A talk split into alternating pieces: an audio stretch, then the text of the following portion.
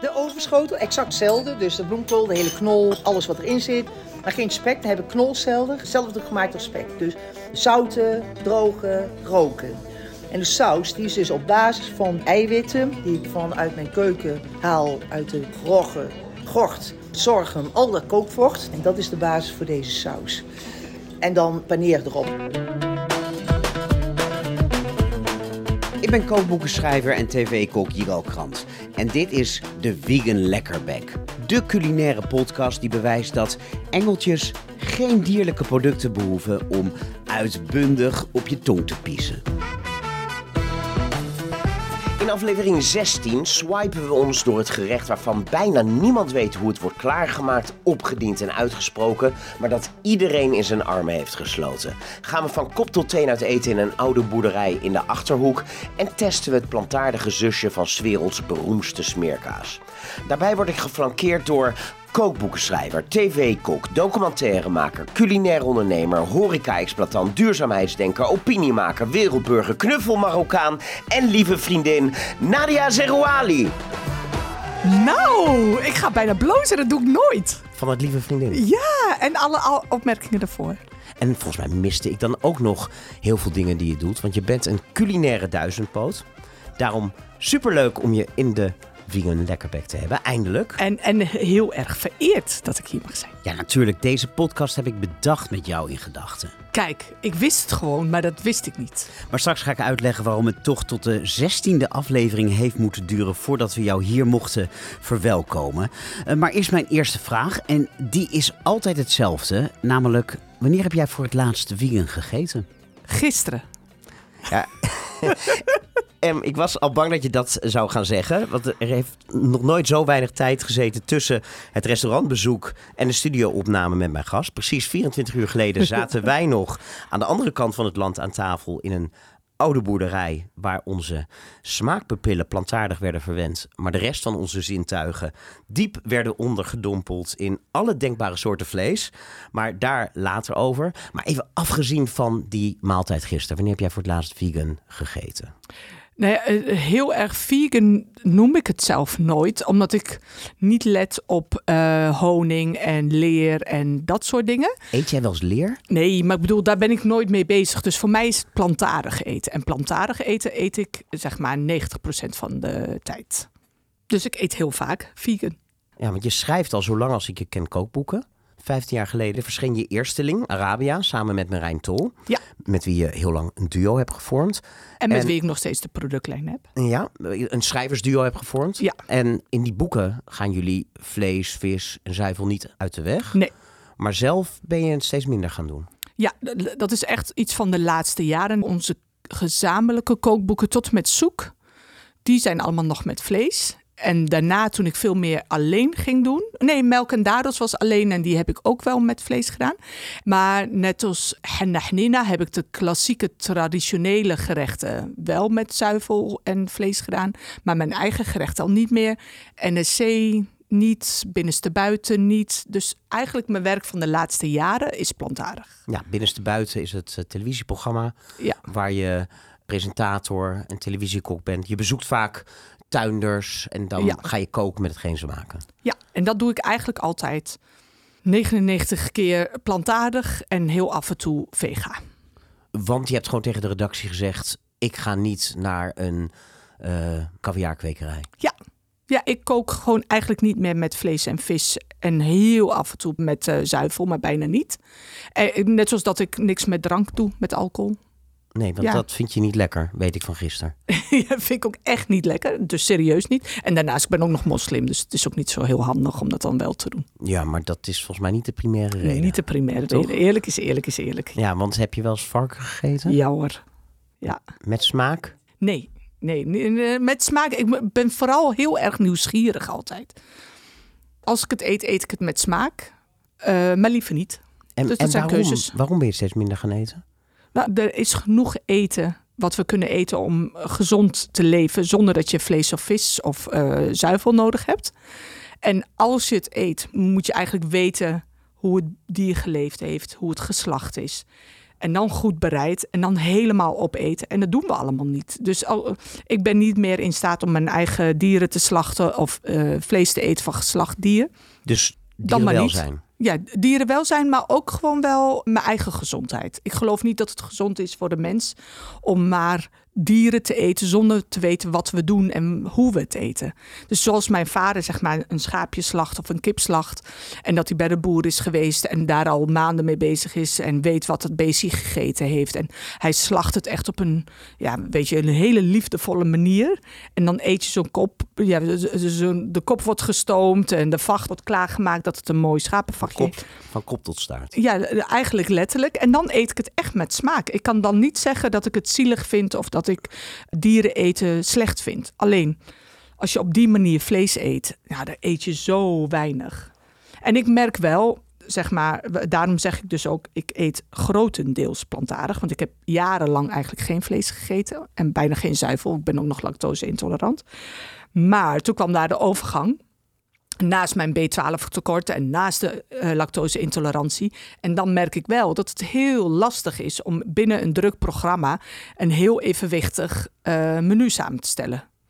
En dan is een stukje vlees af en toe wel een hele makkelijke weg van je weer eh, lekker fit voelen. Mhm. Dus toen ben ik wel weer echt wat meer vlees gaan eten.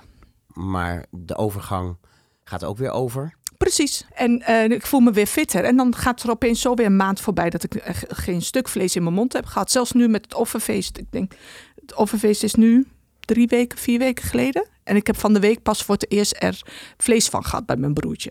En dat vindt je familie ook oké als je niet mee eet? Ja. Ja, in het begin hadden ze echt zoiets van, nou ja, we- we- westerse fratsen en stadse fratsen, zeg maar, die afdeling, eh, havermelk elite eh, afdeling.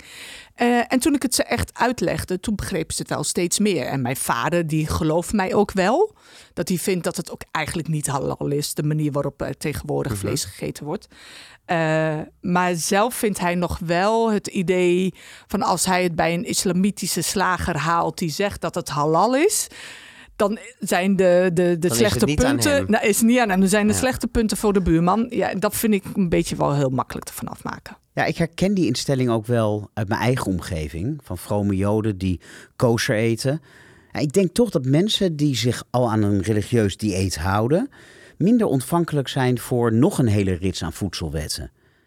Maar in mijn laatste kookboek TLW Vegan heb ik een rabbijn geportretteerd... die zegt... Ja, ik vind dat een van de mooiste verhalen trouwens in je Tel Aviv. eh, Nou, dankjewel. Vegan. Ja, Dat absoluut. Maar hij is een uitzondering, maar hij zegt de enige religieuze weg binnen het Jodendom is een plantaardige weg. God wil niet dat we kippensoep eten op zaterdag. Is daar ook een equivalent van binnen de islam? Is er een Ja. imam die zegt, je, is er een vegan Oh, nee, imam? nee, bij mijn weten niet. En ik denk dat wat daar in de weg staat, is het offerfeest. Eigenlijk is het het offerfeest, je slacht dat schaap. Daarna waren alle slagers een maand lang op vakantie. Dus eh, dan ging je niet nog de volgende dag bij de slager eh, kilo's vlees halen. In, ehm, zeg maar, als je in Mekka bent of zo, mag je geen dieren laten lijden. Je mag zelfs geen mug doden. Maar ergens raken mensen in de knoop. Wat ik weet van mijn vader bijvoorbeeld, die vindt het helemaal oké dat we heel weinig vlees eten. En helemaal oké dat de industrie, dat dat niet past binnen halal. Dat snapt hij allemaal, gaat hij ook helemaal in mee. Maar dan bij het offerfeest, met het slachten van een schaap, daar is zijn grens. Dus dat vindt hij echt belangrijker. Terwijl ik dan denk, ja, maar ik denk niet dat onze lieve Heer had bedoeld dat er hele schepen vol schapen van Nieuw-Zeeland naar Mekka gaan. Om vervolgens in te calculeren dat 9 van de 10 het niet overleven. En dan een schaap slachten terwijl we geen honger hebben, het vlees niet nodig hebben om van te leven. Terwijl wij weten uit de overleveringen dat er echt gezegd wordt: eet met mate, eet gezond, eet geen ingrediënten of gerechten die moeilijk zijn of slecht verteerbaar, slecht voor je lijf zijn. Nou, vlees van tegenwoordig kun je niet over zeggen dat dat goed voor je is. Ja. En de Ja. hoeveelheden ook niet. En dan denk ik elke keer, wat ik geleerd heb, is eh, gebruik je hersenen. We zijn mensen die eh, eh, geleerd hebben om te leren en na te denken over onszelf. Dus als wij onderhand weten dat het heel slecht is om te roken en om te veel te drinken, dan moet je niet doen. Als we dan nu weten dat het vlees vol antibiotica zit en heel slecht voor dat dier is gezorgd, slecht voor onszelf wordt, ja, dan moet je eigenlijk kunnen zeggen van, daar gaan we vanaf. Ja, religies vinden het heel erg moeilijk om bij te sturen. Maar laten we het even weer over Ja. jou hebben. Ja. Want lang voordat ene Ottolenghi aankwam zetten met de Midden-Oosterse keuken, schreven jij en Marijn al over hummus en falafel en shakshuka. En nu schijnt Ottolenghi nergens zo succesvol te zijn als in Nederland. Heeft dat misschien wel iets te maken met het voorwerk dat jullie hebben verricht voor hem? Hebben jullie de weg geplaveid voor Ottolenghi in Nederland? Alles kan. Misschien ook wel gewoon het feit dat hier heel veel Marokkanen en Turken al vanaf de jaren 60 wonen. En mensen misschien al wel bekend hebben gemaakt met heel veel gerechten. Dat kan. Eh, ik geloof ook dat de Nederlander op zich heel erg open staat voor andere eetculturen. Ehm, de weg vereffend, ja, ik zeg altijd, het is ons. Nou ja, jullie hebben Ja. er ook voor gezorgd dat mensen, ook als ze ergens in Achterhoek wonen, al die recepten van Ottolenghi kunnen maken. Omdat Ja. al die exotische specerijen als zaatar en ras el hanout en baharat... en smaakmakers als tegina, harissa, eh, rozenwater, granaatappelmelassen, ingelegde citroenen... gewoon tegenwoordig in de supermarkt liggen. Ja, nee, dat klopt. Maar Dus wie heeft die eigenlijk geholpen? Hebben jullie. Ottolenghi geholpen of verkopen jullie veel meer dankzij Ottolenghi? Eh, Ik denk wel dat wij meer verkopen dankzij Ottolenghi. Dat denk ik absoluut. Want mm, als je tahina zegt, dan denken mensen Ottolenghi in plaats van eh, Palestina, waar de tahina vandaan komt. Dat vind ik raar. Terwijl ik denk, eh, als je Ottolenghi boeken leest, dan vertelt hij je dat het eh, waar het vandaan komt uit Israël, Palestina en hoe het daar zo terecht gekomen is. En nu heet het de Ottolenghi keuken, terwijl hij zou het zelf nooit de Ottolenghi keuken noemen. Net als dat ik niet zeg dat het de Nadia Marijn keuken is. Het zijn de gerechten uit Noord-Afrika, Midden-Oosten, de landen rondom de Middellandse Zee, die wij heel lekker vinden en die passen bij de huidige eettrends, waardoor het zo'n vruchtbare grond heeft. Ja. Dus ik denk dat we elkaar geholpen hebben. Nou, prachtig. In 2017 wonnen jullie vijfde gezamenlijke kookboek Zoek de prijs voor het beste Nederlandstalige kookboek van het jaar, het Gouden Kookboek. Ja. Was dat het hoogtepunt van jouw schrijverscarrière? Mm, nee, als ik heel eerlijk ben, is mijn grootste trots toch echt wel het kookboek Melk en Dadels. En dat is eigenlijk puur omdat ik zelf altijd keek naar onze moeders van... Oh, eh, alleen maar achter die kinderwagen en thuis in de keuken een beetje koken. Terwijl ik graag zelf ook heel graag Ja, want in dat boek, en dat heb je niet met Marijn geschreven, toch? Nee, dat was niet met. Portretteer je allemaal Marokkaanse moeders en hun Marokkaans-Nederlandse kookmoeder, eh, of Marokkaans-Nederlandse moeders met hun huistuin- en keukengerechten. Dus die, de, de stampot op zijn Marokkaans, maar ook de klassieke Marokkaanse gerechten. Want worden jouw kookboeken veel gebruikt binnen de Marokkaanse gemeenschap? Mm, steeds meer, zullen we maar zeggen. Want, wa- want dat is het grappige. De eerste generatie Marokkaanse moeders die we geportretteerd hebben, zeg maar, in Melk en Dadels, die gebruiken geen kookboeken. Die kunnen nog koken van zichzelf of van hun moeders. Maar hun dochters, vrouwen zoals ik, die zijn eigenlijk zo snel mogelijk die keuken ontvlucht. Die, we, die willen advocaat worden en arts en zo. Alles behalve die keuken. Want daar zat die moeder in met haar schort en hoofddoek en zes kinderen. Dus dat hebben we willen ontvluchten. Maar we- hebben eigenlijk nooit geluisterd en de verhalen gehoord van die moeders. Dus met dat kookboek kwam voor het eerst eigenlijk die verhalen naar buiten met hun gerechten. Nou, en ik ben zo trots geworden op zeg maar, die vrouwen op wiens schouders wij de huidige Marokkaanse vrou- Nederlandse vrouwen zijn, dat dat wel echt mijn trots is. Ja, en met dat boek heb je ook een prijs gewonnen, het kookboek van het jaar. Ja. Maar als het gaat om jouw eigen recepten, dan is Zoek toch wel een van jouw succesvolste kookboeken. Ja. En nu zag ik vanochtend dat Zoek niet meer te krijgen is. Het boek zoek? Ja. Het boek is niet Zoek. Ja, het boek is zoek. Nee, het boek is zeker zoek, want het is uitverkocht. Ja, dat zeg zeg maar, de, de, boeken zijn op. Eh, we hebben ze bij een andere uitgever uitgebracht dan waar we tegenwoordig zitten. Onze Oh ja, gezamenlijke tuurlijk. uitgever. Ja, was nog Fontaine. Nijg mag van Fontaine hem niet heruitbrengen? Eh, dat zou binnenkort wel, denk ik, gaan mogen. Maar ja, of we dat, ja, Uitgeverspolitiek. een, een soort van. En ook van willen we een oud boek uitbrengen of moeten we wel weer een nieuw boek maken? Maar oh, mm, mm, mm. Nou ja, Daarin. ga jij ooit nog een boek maken met Marijn? Inshallah. eh, m- met Marijn, geen idee. De- de- ik zeg nooit nee, want, Want wij zijn is die al. samenwerking gestopt?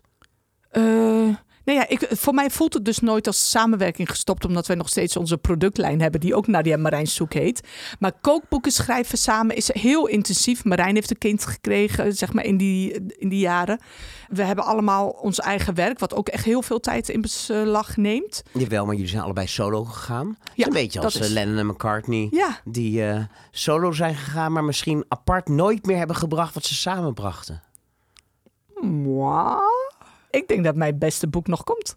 Komt-ie? Want sinds 2008 heb je bijna elk jaar een boek uitgebracht. Maar het is nu alweer eh vier jaar geleden. Ja, maar dat komt ook omdat ik heel even kookboekjury was. Zeg maar ben, nog steeds voorzitter van de kookboekjury. En dan mag je geen boek Dan- uitbrengen. Dan mag je wel een boek uitbrengen, maar mag niet meedoen. En ik wil natuurlijk gewoon winnen, altijd. Ja, maar om daarom nou, jarenlang we- geen boeken uit te brengen? Nee, maar het was wel een goede extra bijreden. Zo van, ik ga geen kookboek uitbrengen die ik dan niet eens zelf mag indienen. Dat ga ik niet doen, dat vind ik stom.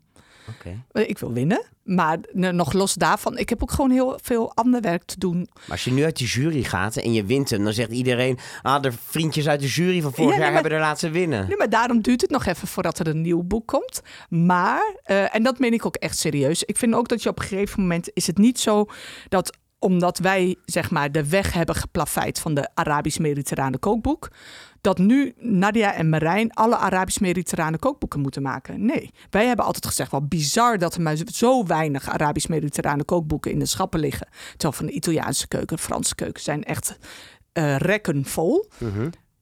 wij hebben geholpen die weg te plaveien, ja. Maar daarna moeten we ook andere mensen de weg gunnen. Dus wat ik afgelopen jaren heel veel heb gedaan, is andere mensen helpen hun kookboeken te maken. Of de weg naar de uitgever te vinden. Of gewoon letterlijk te leren hoe je recepturen schrijft. En heel eerlijk gezegd, ik denk wel dat ik dat kan doen om- omdat mijn ego op heel veel andere plekken en manieren goed gestreeld wordt. Ik hoef niet meer overal zelf de hoofdauteur van te zijn of dat het mijn kookboek is. Ik vind het feit dat wij die weg hebben gepla- geplaveid is zodat andere mensen die weg kunnen gebruiken. En ik wil niet dat het alleen maar zo van de Arabisch-Mediterrane keuken is de keuken van Nadia Marijn, Gadverdari. En je krijgt natuurlijk nog genoeg aandacht op televisie. Dat bedoel ik. Je Ja, hebt twee takeaway restaurants in Amsterdam waar alles draait om couscous. klopt. Nog culinaire dromen, dingen die je niet hebt gedaan? Ik heb nog wel een paar. eh, Je gaat ook heel ondeugend ja, glimlachen. ik heb nog wel echt een paar goede dromen, maar die ga ik niet delen. Ah, kom Ja, op. dat is echt heel flauw. Ja, dat is echt heel flauw. Maar ik, ik vind ook echt dat. Ik ben echt een flap uit. Hè? Ik zeg altijd alles tegen iedereen. Maar ik heb gemerkt, ook bijvoorbeeld met, eh zeg met verhuizen, terug verhuizen naar Winterswijk. Soms is het echt heel goed om dingen eh, niet te vertellen. En dan pas als het er is. Dan te laten zien. Want ik was iemand die altijd alles vertelde.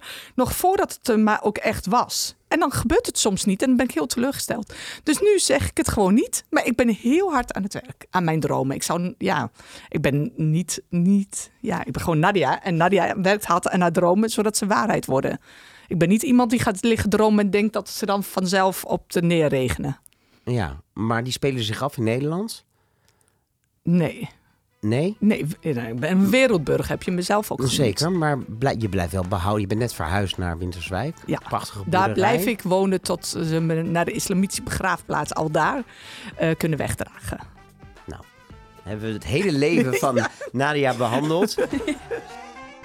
Kunnen wij door naar het eerste echte deel van de Vegan Lekkerbek. Waarin we de diepte ingaan over één gerecht, ingrediënt of product. Dat had in jouw geval misschien wel couscous moeten zijn. Maar onder lichte druk van mij is het toch hummus geworden. Eerst maar even die vermalendijde uitspraak. Ik zeg hummus op zijn Hebreeuws. Hoe moeten onze luisteraars, die met hun handen in hun haar zitten... Ja. Is dat nou hummus, hummus, hummus? Nou, zolang het maar niet humus is, want dat is aarde. Dat is tuinaarde en zo, de gezonde laag. Ja, dat is hummus. Dat is de hummus. Dus zolang het geen hummus is, vind ik het prima. Gewoon hummus. Maar tegelijkertijd, ik weet, ik heb mijn hele jeugd geoefend op de ha. Net als dat ik vind dat jij, omdat je je link hebt met Israël en het Hebreeuws, mag jij het hummus noemen. Dat is jouw uitspraak. Mijn Marokkaanse manier van hummus zeggen is niet dezelfde manier als dat een Palestijn of een Libanees het uitspreekt. Nee, maar nee, het betekent allemaal gewoon verschillende talen. We hebben allemaal verschillende talen, Ja. we hebben verschillende dialecten. Als jij dan weet waar het vandaan komt, ben ik al lang blij, al spreek je het verkeerd uit. Zolang hummus voor jou maar iets is met geweekte, gekookte kikkererwten, waar tahina doorheen gaat en citroensap en wat zout, en je daar stopt, We gaan het zo dan ben ik al uitgebreid. heel blij. Daar gaan we Ja. deze aflevering voor gebruiken om alle mythes en alle broodjes aap. Maar daarom hoefde je me ook niet onder druk te zetten om het over hummus te laten gaan. Want het is wel onze gedeelde favo. Ja, want ik ben, zeg ik toch met gepaste trots, een tijdje geleden door Onno Klein in de Volkskrant de groemoeskoning van Nederland genoemd. En ik had dat nooit aanvaard, die titel. Maar ik dacht, als er een koning is, is er ook een koningin. En dat ben jij natuurlijk. Dus Slijmbal is het, hè? Heerlijk. niet dan? Nee, ik zou dat echt niet over mezelf durven zeggen. Nee, En- maar en daar- het- ik zei het. Ja, ja, ja maar en dan ik, gaan wij als koningskoppel Ja, deze aflevering het over hebben. ja dat vind ik dus. Ja, wat ik dus heel lastig vind, is het feit dat ik die Marokkaanse achterhoekse ben uit Winterswijk. Die pas op haar, nou wat is het? 22ste? 23ste voor het eerst naar het Midden-Oosten is gegaan en hummus heeft gegeten. Dus ik zou dat nooit over mezelf durven afroepen. Hoe oud was jij toen je je eerste bordje hummus had? Ja, dat kan me niet herinneren. Nou, dat bedoel ik. Dan ben jij Ja. toch meer hummuskoning dan ik. Wij aten wel kikkererwtenpuree, absoluut, maar zonder tahina. Dus dan is het geen hummus, hummus, hummus. Ja, ik denk dat je de titel koning niet verdient door veel te eten, maar door Door veel te te, maken of te, Te maken, onderwijzen. kennen, te onderwijzen. schrijven. Maar wat jij nu net aanstipt, dat weten heel veel mensen niet. En dat komt door die Ottolenghi, die toevallig Ja. net uit dat ene land komt waar die hele Arabische bevolking samenkomt. Namelijk in Israël. Ja. Met heel veel Noord-Afrikanen en heel veel mensen uit het Midden-Oosten. Maar is dat ze in het Midden-Oosten helemaal geen Ras el Hanout kennen. En geen shakshuka kennen. Behalve in Israël. En dat ze in Noord-Afrika op hun beurt eh, weer allerlei eh, gerechten uit het Midden-Oosten niet eten. Zoals hummus bijvoorbeeld. Ja, klopt. Nee, in Marokko, Algerije, Tunesië kennen ze kikkererwtenpuree, maar bijna op zijn Italiaans. Weet je, met een beetje knoflook, olijfolie en that's it. En ook wel met platbrood en dat eet je. Maar echte hummus, zoals degene die jij en ik nu bedoelen, met tahina en een beetje knoflook eh, en geserveerd in een schaaltje waarin je kan swipen, zeg maar. Dat is Palestina, Israël, Libanon, Jordanië. En daar houdt het wel Syrië. Syrië, natuurlijk. Ja, en, en dan houdt het eigenlijk een beetje op. Turkije aan de grens met Syrië. Terwijl heel lang, in de jaren negentig, stond hummus bekend als een gerecht uit Griekenland. Dan kun je dus ook nog nagaan, ja. En dan voor mij is het nu ook een ontbijtgerecht. Zeg maar de eerste keren dat ik het heb gegeten, was echt een royaal heerlijk ontbijt. Nou, we gaan het uitgebreid over hummus hebben. Maar eerst gaan we hummus proeven. Ja, Anders is deze Jalla, jalla. podcast geen knip voor de neus waard. Ik had gevraagd of jij hummus wilde maken. En toen zei je, ah, ah, doe het zelf. Dat heb ik gedaan. Vannacht geweekt, vanochtend gemaakt. Hier is een bordje. dank Neem u. het even aan. Dank, Gewoon dank, plain, dank, dank, dank. zonder paddenstoelen, aubergine, full of wat voor Ja. topping dan ook. Gaan we eten met pita's. Die gaan nu de broodrooster in. Geef mij de tijd om mijn tweede gast te introduceren. Want de Wie een Lekkerbek is de enige podcast met een eigen sommelier. Iedere aflevering schenkt een topsommelier een pairing bij het gespreksonderwerp. En vandaag is onze sommelier Safi Rodenburg. Dankjewel. Welkom. Merci. Safi, leuk dat je er bent. Als jij geen eh, sommelier bent van de Vegan Lekkerbek, ben je gastvrouw en sapsommelier bij restaurant Saam in Amstelveen. Ja. We hadden al een keer jouw Saam-collega Max van Bokkel hier te gast als sommelier. En dan gaan bij Saam ook nog Koen van der Plas en Jet Rijkers over de wijnen. Ja. Hoeveel sommeliers kunnen er in dienst zijn in één restaurant? Nou, in principe ben ik zeg maar eh, de gastvrouw bij Saam, de maître. de maître. Maar als het om alcoholvrije cocktails eh, gaat, dan eh, word ik vaak geroepen. Van Saf, doe je kunstje. Ja? Dus ik En, moet eh, bij jou zijn. Het is wel Ja. leuk, want je heet dus eigenlijk ook ja, Sappie. Ja, bijna wel. gaat ja. over de sappies. Ja. Dus eh, ja, zo eigenlijk. Maar Koen en, eh, en Jet, die gaan echt eh, over de wijn. En jij doet het er een beetje bij. Ja, En toen kwam de recensent langs. ja, van het NRC, Joël Ja. Broekhaart. En die schreef een klein alineaatje over Koen van der Plas. En daarna schreef hij het volgende. Maar het zijn vooral de non-alcoholische cocktails die bijzondere aandacht verdienen. Zelden heb ik zo een goed doordrinkbare en interessante alternatieve pairing gedronken. Allemaal op basis van zelfgemaakte siropen, maar absoluut niet zoet. Ze zijn gelaagd en passen goed bij de gerechten. Grapefruit, granaatappel en een vleugje roos bij de poon. Venkel, limoen en cardamom bij de koolrabi. Voor de mocktail bij het hoofdgerecht kookte onze bevlogen sapsommelier cola in tot een stroop met allerlei specerijen, waaronder masala, en serveert die met spa rood en zeer aromatische, houtig, minty en citrusachtige geraspte peper. Heel knap voor een limonade. Ja, en ik moet wel zeggen, ik kan niet alleen de credit daarvoor vangen. Ik heb samen met een hele goede bartender, uh, Louis McKenzie, uh, geleerd hoe ik siroop moest maken. Ja, maar iedereen heeft zijn leraar. Ja, zeker. Maar ik vond het mooie, daar stonden dus allemaal mannen die daar de sommelier waren. En jij stilt de show in de recensie. Ja, ja want ik ben uh, qua smaak ben ik, uh, schakel ik heel snel om. Denk van, oh ja, wat eet hij? Wat zit erin? En je moet ook niet te veel nadenken, vind ik zelf, als je uh, sappen maak uh, die bij gerechten passen. Mm Die moet juist de elementen uit een gerecht ook weer terug laten komen in de sap.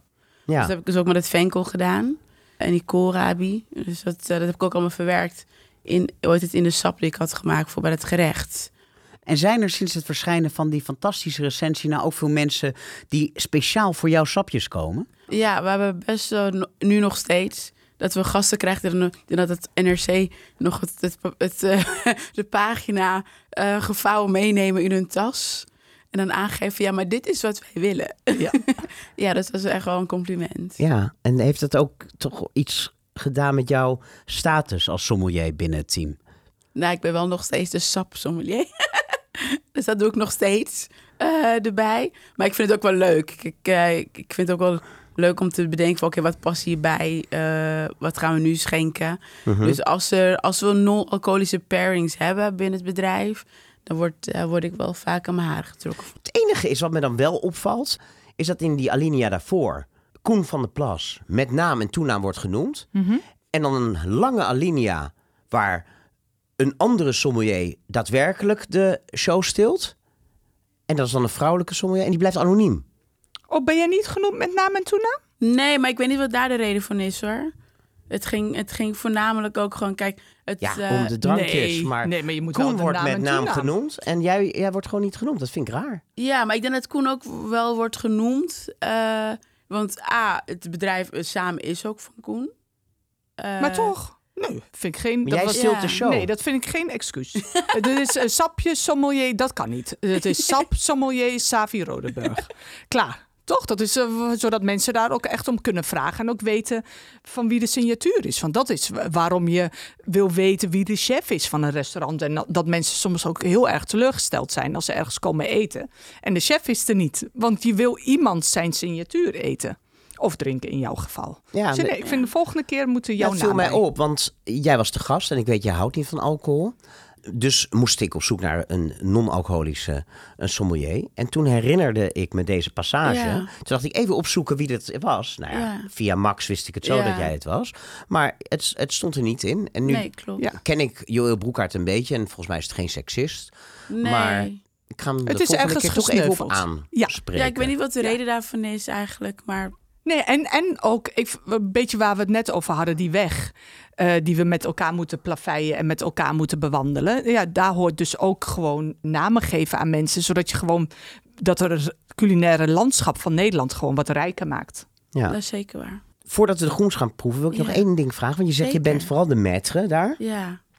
Nu is Saam een restaurant dat ergens tussen high-end Michelin chic en spijkerbroek en t-shirt informeel in zit. Ja dat trekt neem ik aan ook heel verschillende mensen. Ja. De een wil als een koning naar zijn tafel begeleid worden. En de ander wil met je en jij worden aangesproken. Is dat lastig om daar binnen te laveren? Nou, ik speel daarop één door, uh, door te kijken naar de gasten die binnenkomen. Of als mijn eerste indruk aan, uh, bij hun aan tafel. Om, om de sfeer te proeven.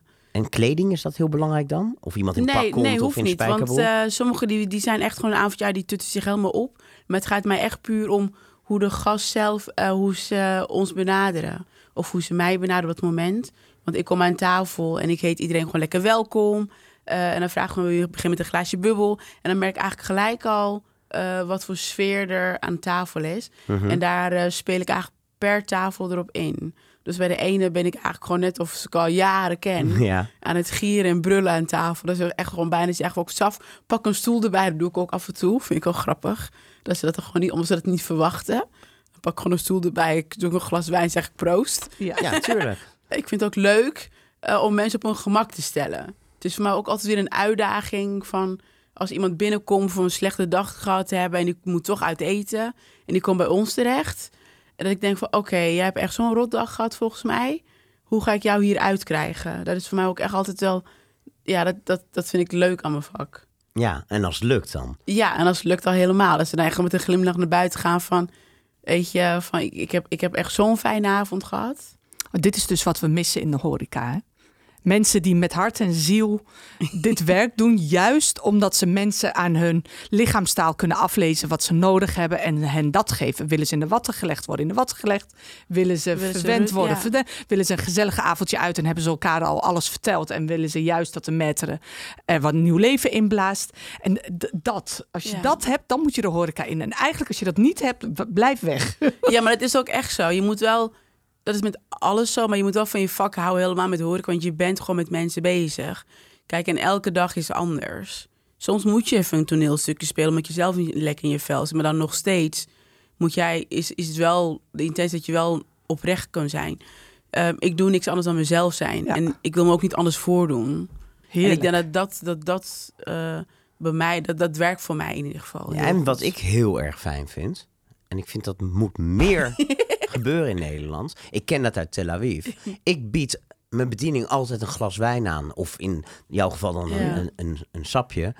En in Tel Aviv, ze- en dan maak je samen een legaim. Ja. En ja, dan zit er een glas minder ehm, in, je, in je fles wijn. En dat heb ik er altijd voor over. Want het, ja, dat brengt gezelligheid. Maar ik ken het ook echt alleen daar. Ik moet werken, dan kan niet. Nou, misschien straks dan 12 uur.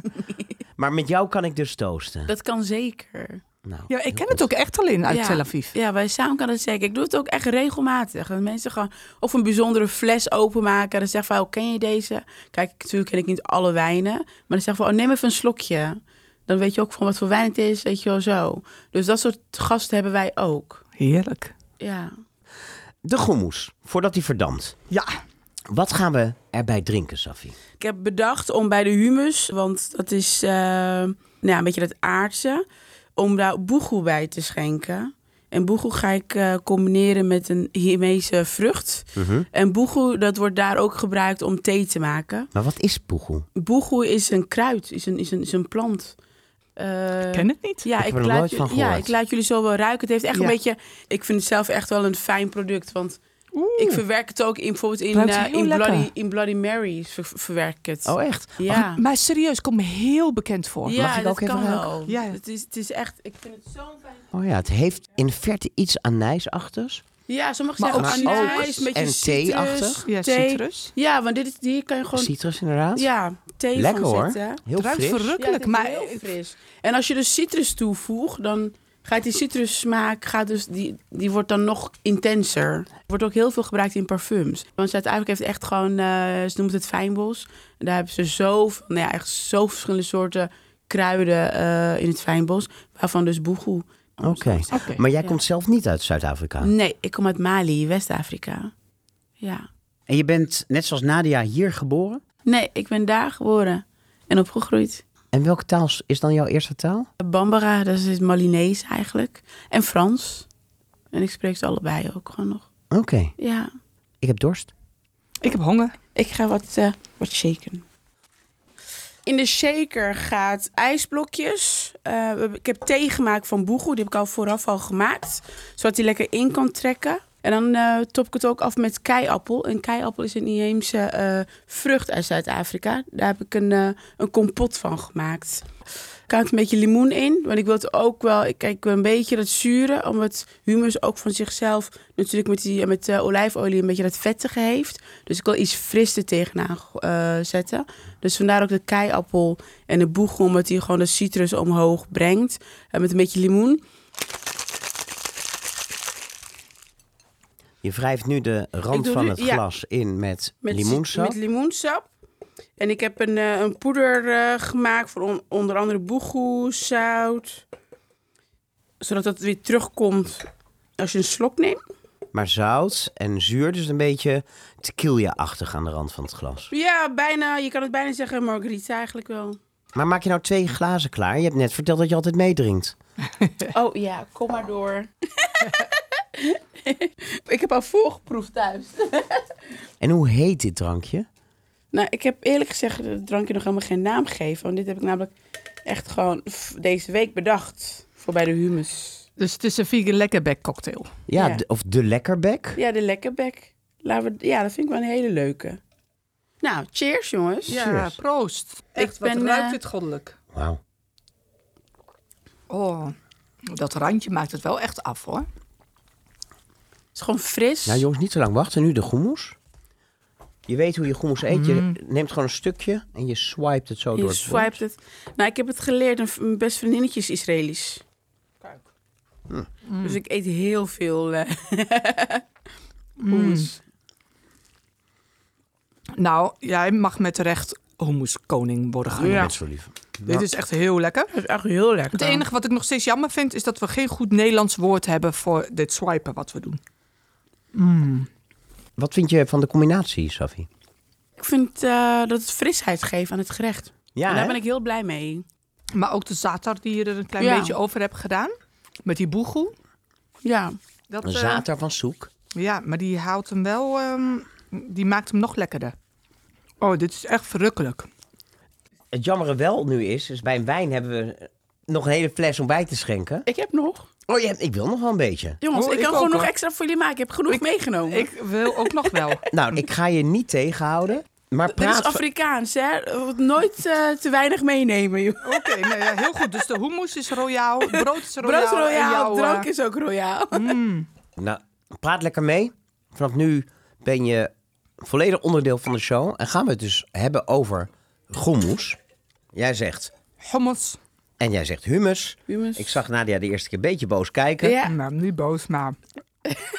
ik ben ondertussen Nou, nog lekker aan het eten. heb je nou net Ik, ik, ik moet het Ja. nog leren. Dat maakt niet uit. Nou, het fijne van het Hebreeuws is dat het klanken zijn die wij Nederlanders allemaal gewoon kunnen uitspreken. Want we hebben er gewoon een G en een Ja. O. En die keelklanken zijn veel moeilijker. Ja. Dus mensen zeggen gewoon goemoes. Maar wat betekent goemoes voor jou, Nadia? Bedoel je de kikkererwt of het gerecht? Want het woord hummus betekent zowel in het Arabisch als in het Hebreeuws in de eerste plaats gewoon kikkererd. Ja. Maar als ik het over hummus heb in deze podcast, dan bedoel ik het gerecht dat we zojuist hebben geproefd. Wat is voor jou de betekenis van dat gerecht? Hummus is voor mij echt mijn kennismaking met het Midden-Oosten. Dus voor mij staat dit voor het Midden-Oosten. En het feit dat ik zeg maar in eh, Jeruzalem en in Jenin, Palestina, zo heb kunnen genieten van dit gerecht als ontbijt. Maar ook gezien heb hoe in Tel Aviv echt alle soorten en maten mensen genieten van hetzelfde schaaltje hummus. En eigenlijk valt daar alle politiek en alle religie weg. En mensen genieten gezamenlijk van die humble kikkerert. Waarvoor de tahina, het eh, sesamzaadje uit Ethiopië komt. En de olie van heinde en ver. En vers gebakken lokaal brood. Ja, Het is dus voor jou een gerecht van saamhorigheid, van samen. Want het is Ja. natuurlijk evengoed een gerecht van verdeling. Van... Ja, maar dat is dus ook hoe ik zeg maar wens naar de wereld te kijken. Ik kan er naar kijken als eh, de, de hummus kan voor verdeeldheid zorgen tussen is het Israëlisch of is het Palestijns of wat dan ook. En voor mij is het de hummus is juist het gerecht waarmee je kan laten zien dat de kikkerert die groeit in het Midden-Oosten en eh, rondom de Middellandse Zee, Eh, maar dat daar ingrediënten en bereidingswijzen en mensen aan bij horen die van over de hele wereld komen en daarvan kunnen genieten. Van vroeger tot nu. Dus die Ja. kikkerert en tahina, die zijn al eeuwen geleden bij wijze van spreken samengekomen. En het feit dat nu door boeken die jij, ik, Otto Lengi schrijven, eet de hele westerse wereld nu ook hummus en tahina. Hoe Of een fantastisch is prutje dat? dat ervoor moet doorgaan. Ja, dan wens ik toch liever te kijken naar het mooie wat hierbij Ja. hoort. En natuurlijk erger ik me gigantisch als mensen zeggen hummus is Israëlisch. Nee, dat is het niet. Je kunt niet Er zeggen... is niemand in Israël die dat zegt. Precies. En dat is hetzelfde eigenlijk een beetje als de Ottolenghi keuken. Ja, het is Israëlisch in de zin van dat Ook. Israëli er dol op zijn. Ja, maar het is dus nu... En daarom vind ik het dus ook heel fijn dat wij in Nederland kunnen zeggen... de hummus voor mij persoonlijk is ook een onderdeel van mijn keuken. En het is een onderdeel van mijn leven, van mijn wereld. Ik moet er niet aan denken als ik geen hummus meer kan eten. Ja. Ja, eh, eigen ik het dan mezelf toe? Nee. Waar ik, had ik, jij de beste hummus? Nou, ik denk wel echt in Jeruzalem. Ja? Ja, bij zo'n Oude oude, stad? men- ja, in de oude stad, bij zo'n meneer in zo'n steegje. Waar iets verderop werd de tahina gemalen. Van de mooiste sesamzaadjes in een hele Ik weet stinkende ruimte. precies, ik Weet weet jij echt? precies welke en dan met zo'n hout, ja, en dan eh, zo'n hout. eh, Zacharia. Is, ik kan de naam zelfs nog herinneren. Ja, ik- Zacharia was de... Ik denk dat hij inmiddels is overleden. In ieder geval met pensioen. Die was daar de eigenaar. Niet dat zo ver van de Damascus. eh, nee, echt, echt gewoon centraal Jeruzalem. En dan krijg je er lekker ingemaakt zuur bij, brood zoveel als je wil, een eh, pittig pepertje en dan je ontbijt. Nou, je kunt uren voort.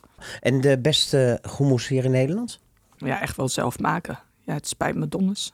Ja. ja, zo lekker als zelf. Maar jij was fan volgens mij van Sir Hummus. Ik ben al heel lang niet meer geweest. Ja, ik ben er ook al te lang niet meer geweest om nog te zeggen of het nu net zo lekker is als toen. Maar ik weet wel, hummus is echt het lekkerst als je hem maakt en dan eet. Ja. Gewoon kikkererwten weken. Ik heb ze altijd vorige week voorgekookt in de vriezer. En dan is het eigenlijk een heel snel ontbijt. Je hebt het echt heel snel eh, voor elkaar getoverd. Want je kookt ze en dan Mhm. vries je ze in. Dan ontdooi ik ze niet eens. Ik kook ze gewoon nog op. Mhm. Dan ontdooi je ze en zijn ze lekker gaar. En warm. En dan eh, heb je echt in no time hummus. Ja, en eet je ze dan grof? Of doe je ze nog wel in de blender? Nee, wel in de keukenmachine. Ja. ja. Hele goede tip dit. Ik vind het ook heerlijk, Nadia, dat je gewoon lekker dooreet. Ik heb echt terug, dus ik vind het heerlijk. De meesten die schuiven het dan opzij. Gewoon lekker met de mond vol praten. Oh, en dan krijg je ook nog wat bij te drinken. Oh, heerlijk, Ehm, dankjewel. ik heb jongens in mijn Oh, laatste eh, kookboek een tien geboden opgenomen. Van do's en don'ts als het aankomt op het maken van hummus. Volgens mij heb jij met Marijn ooit ook zoiets gedaan, online. Maar als je het goed vindt, gaan we die tien geboden gebruiken als leidraad in ons nou, hoorcollege over hummus. Hummus. En jij, jij zegt het me als ik te veel lawaai maak doordat ik eet en praat, hè? Nee joh, een misofonen moeten maar gewoon een misdaadspodcast luisteren en geen culinaire podcast. Oké. De tien geboden. 1. Verbod kikkererwten uit blik. Halleluja, amen. Yes. Otto Lengi doet het ook de laatste tijd. Boeit me niks. nee, je proeft het gewoon terug. Kijk, hummus is simpel. Hummus is kikkererwten, tahina, beetje knoflook als je wil, beetje zout als je wil. Maar hoe basicer, hoe meer basis zo'n gerecht is, hoe meer puur en simpel, hoe belangrijker de basisingrediënten zijn. En hoe meer je alles terugproeft wat niet lekker is. Dus die kikken uit het blik, die zijn gekookt in een blik met citroenzuur. Hoe dan ook. En dat proef je gewoon terug. En dat vind ik echt een disgrace voor de eh hummus. En als je nou niet gisteren al wist dat je vandaag zin had in hummus... en die kikkererwten niet gisteren al op water hebt gezet... dan is er wel een trucje om het wat sneller te doen. Die heb ik toen van jou geleerd. Dat heb, jij toen zo? bij mij, ja, dat heb jij toen bij mij thuis gedaan in de pan. Nee, dat is het ontvellen. Was dat het onvellen? Oh ja, dat, heb een- je gedaan. Ja, ja, ja, met Allemaal trucjes Ja. en, en hacks. Nee, Ja. ik heb ontdekt dat als je... De kikkererwten in een kom doet met een flinke theelepel baksoda. en heet water, gewoon kraanwater, maar de kraan op zijn heet zet. En dus dan is het zo'n, weet ik veel, 50, 60 graden. En je zet het, nou in mijn geval, op het koffiezetapparaat. Dan blijft het zo'n 30 graden, maar je kan ook de oven op de laagste stand zetten. Dan zijn ze in drie, vier uur klaar. En je kan het controleren door een ertje even door te snijden. Als er geen wit puntje meer in het midden zit, dan is hij volledig geweekt. Oké, en dan kun Oh, je wauw. daarna koken. En dan koken ze heel snel. Ja. Oké. Dus lieve luisteraar, voor hummus gebruik je droge kikkererwten. Maar welke gedroogde kikkererwten moet je dan hebben? Nou, ik heb gemerkt dat ik bijvoorbeeld van heel veel biologische merken de kikkererwten niet zo lekker vind. En ik vind die Spaanse kikkererwten, die je bij de Turkse Marokkaanse winkel in grote zakken kan kopen. En daar dan de kleine variant van en niet de grote. Die vind ik het lekkerst voor De kleinste, dat is Ja. een goed uitgangspunt. Hoe kleiner, hoe beter. Ja. En ik weet op de Lewinsky-markt in Tel Aviv... ja. daar zeggen de, de Puritijnen, je moet de Bulgaarse kikkertjes hebben. Zijn die kleiner of groter? Die zijn heel klein Oh. En heel smaakvol. Ja. Maar in Nederland is het heel moeilijk om te achterhalen waar de kikkererwtjes vandaan komen. Als je niet die zakken neemt. Want daar staat zelfs heel vaak op Spanje. En dan komt het misschien helemaal niet uit Spanje. Het is dan via Spanje binnengekomen. Ja. Het is gewoon heel lastig te achterhalen hoe lang die kikkererwten hebben gedroogd. Dus hoe lang je ze nou echt moet weken. Dus kies de eentje die jij lekker vindt. Ga uit van de kleinste maat. Goed weken. Net zo lang koken totdat je tussen je vingers goed kan pletten. Dan is die lekker gaaf voor hummus. En klaar. Ja, je moet niet heel veel Ja. kikkererwten inkopen. Dat je denkt, Ja. heb ik lekker veel van die zakken in huis. Want ze gaan, ondanks dat ze zijn gedroogd, toch achteruit. Wordt een beetje muffig. Hangt niet om een weekje of twee. Maar je moet niet voor drie jaar gaan inkopen. Nee. Dan de kwestie die de groenmoeswereld verdeelt in twee kampen. Namelijk, moeten de erwten worden ontveld of niet? Volgens de Puritijnen is het knip en klaar. Alleen als de kikkererwten worden ontveld, wordt de groenmoes super fluweel zacht. De rest vindt het maar overdreven en gezeur en gelooft dat die velletjes geen kwaad kunnen. Als je die keukenmachine maar lang genoeg laat draaien. In het Midden-Oosten hebben ze vaak speciale keukenmachines die hele hoge toerental kunnen maken, heel veel kracht hebben, waardoor dat velletje en die eh kikkererwt gewoon goed gepoederd kan worden. Hetzelfde als met bakpoeder. Het helpt echt, maar je moet het echt goed afspoelen. Ik vind, als je te veel bakpoeder in het bakwater laat, Nee, niet bak, of baksoda. baksoda vooral. Ja. Dat geeft een beetje een zeeperig smaakje. Maar Ja, dat vind ik niet lekker. Je had het net over die lifehack van mij, die ik heb laten zien toen wij in jouw oude huis in Almere samen groenmoes hebben Ja. gemaakt. En die hack zorgt er niet alleen voor dat je in 10 minuten alle velletjes van de kikkererwten kwijt bent, maar ook zorgt het ervoor dat die bijsmaak van de baksoda verdwijnt. Wat ik tegenwoordig doe, En het werkt echt als een tierenlier. En het is ook helemaal geen werk als je het een paar keer hebt gedaan. Nou, ik week die kikkererwten gewoon in met baksoda. Dan spoel ik ze af. Dan verhit ik een hele hoge pan. Dus een pan waar wel 6 liter in kan, maar die ook heel hoog is. Op hoog vuur. En dan gooi ik die kikkererwten die ik heb afgegoten erbij in de pan. Daarbij gaat dan weer een theelepel baksoda. En droog roer ik die twee, drie minuutjes over de bodem van de pan. Dat zorgt natuurlijk voor heel veel wrijving onderin die pan. Dan haal ik de pan van het gasfornuis en zet ik hem in de gootsteen. En blus ik de erwten af met koud kraanwater. Gewoon een klein laagje. En dan masseer ik de erwten onder water twee minuten heen en weer tussen mijn handen. Dan voel je al al die velletjes loskomen. Dan zet ik de kraan helemaal open, zodat water met een harde straal in de pan stroomt. En wat er dan gebeurt, is dat de velletjes door het water gaan zweven, terwijl de kikkererwten, die natuurlijk zwaarder zijn, onderop blijven liggen. En als de pan dan helemaal vol is en je giet het water dan heel voorzichtig af in een zeef, dan belanden al die velletjes in de zeef, terwijl de erwten onder in de pan blijven liggen. Nou, dat herhaal je één of twee keer en dan ben je niet alleen alle velletjes kwijt, Maar alle baksoda heb je ook weggespoeld. Precies. En die baksoda heb je ook helemaal niet meer nodig in de pan. Want zo, zonder die velletjes, worden ze heel snel gaar. Ja. Dan kook ik ze ook met de knoflook. Dus ik, ik breng ze even aan de kook. Dan schep ik, als er nog wat schuim is... maar er is ook minder schuim omdat al die velletjes weg zijn... schep ik nog wat schuim af. Dan gaan de tenen knoflook in het water erbij... En laat ik alles afgedekt zachtjes gaar koken. Nou ja, tot zover niks bijzonders.